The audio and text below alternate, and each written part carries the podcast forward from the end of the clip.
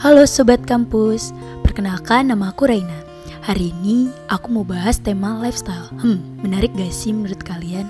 Menurut kalian lifestyle itu apa sih? Kalau menurut aku, lifestyle itu adalah gaya hidup yang dimiliki seorang. Yap, hari ini aku mau bahas itu.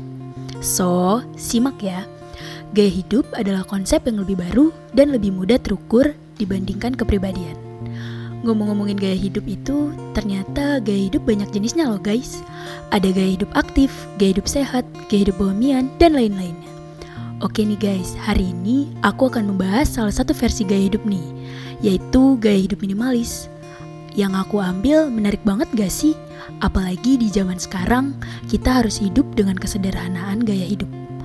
Apalagi nih, masalah ekonomi yang zaman sekarang surut. Wow, sangat dalam ya pembahasan kita kali ini. Oh iya, Ngomong-ngomongin tentang masalah minimalis, aku mau cerita nih sedikit soal masalah minimalis. Kalian pernah gak sih punya teman-teman yang kelihatannya biasa-biasa aja, padahal sebenarnya mampu?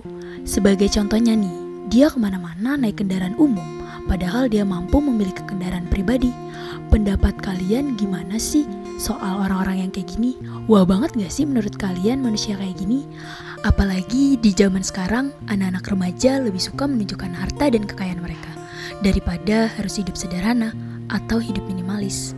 Aku juga mau cerita nih guys, soal tentang diriku. Aku adalah anak terakhir dari empat bersaudara.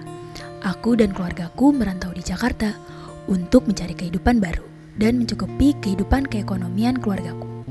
Pada saat itu, aku tinggal di rumah tanteku, dan kehidupan di rumah tanteku, ya kalau dipikir-pikir ya begitulah, sederhana dan tidak terlalu mewah. Tapi pada saat itu, aku anak yang banyak nuntut dan banyak kemauan. Lalu, tanteku berkata, di Jakarta kamu harus hidup minimalis karena ada kebutuhan yang lebih penting daripada membeli hal-hal yang tidak penting. Di kehidupan Jakarta juga itu sangat mahal. Lalu aku berkata, tapi di Jakarta banyak barang-barang bagus tante. Lalu tanteku berkata, barang-barang memang lucu dan bagus, tapi ada yang harus lebih penting, yaitu menghidupkan bahan pangan sehari-hari. Berjalannya waktu, tante ingin aku belajar bagaimana cara hidup minimalis dengan baik dengan menggunakan uang dan lain-lainnya dengan baik. Lalu tanteku memasukkan aku ke dalam asrama. Ya, begitulah yang kalian tahu. Asrama harus jauh dari orang tua dan kehidupan harus begitu hemat. Hmm, awalnya sih aku gak mau masuk asrama, tapi karena ekonomi keluarga yang begitu menurun, jadi aku harus tinggal di asrama. Berjalannya waktu, aku sudah beberapa bulan di asrama. Aku merasakan betapa kita harus begitu hidup minimalis dengan uang yang dikasih orang tua, bahkan dengan kondisi yang baru awal bulan. Pada tahu kan betapa sedihnya kalau awal bulan kita harus meminimalis keadaan kita, sedangkan pengeluaran yang begitu besar dalam menjalankan kehidupan. Wah, wah, wah, sangat begitu menyakitkan bukan? Apalagi kita yang jauh dari orang tua kita. Tapi tidak apa dengan kita meminimalis kehidupan kita, kita jadi belajar banyak tentang kehidupan di mana bukan hanya sekedar hidup sederhana, tapi juga kita harus tahu apa yang kita lakukan dalam menjalankan kehidupan ini.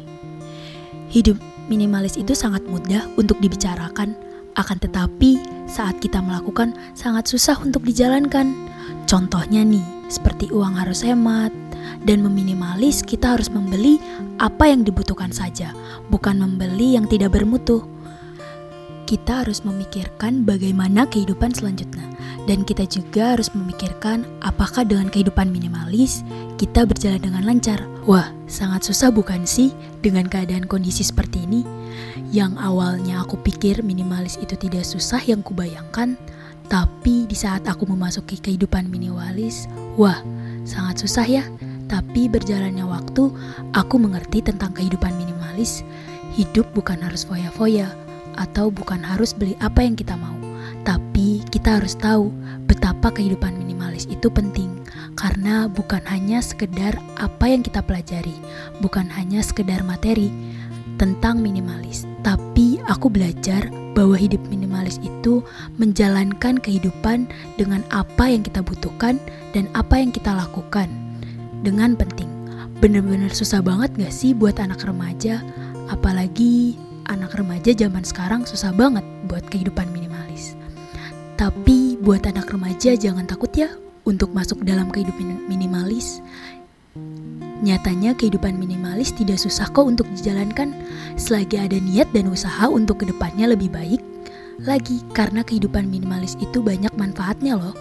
Kita jadi bisa tahu tentang kehidupan ke depannya. Bukan sekedar hanya menjalani kehidupan, tapi kita tahu cara menata diri dengan baik. Yaitu dengan hidup minimalis. Oke, cukup sekian podcast dari aku. Terima kasih ya udah mau mendengarkan podcast ini.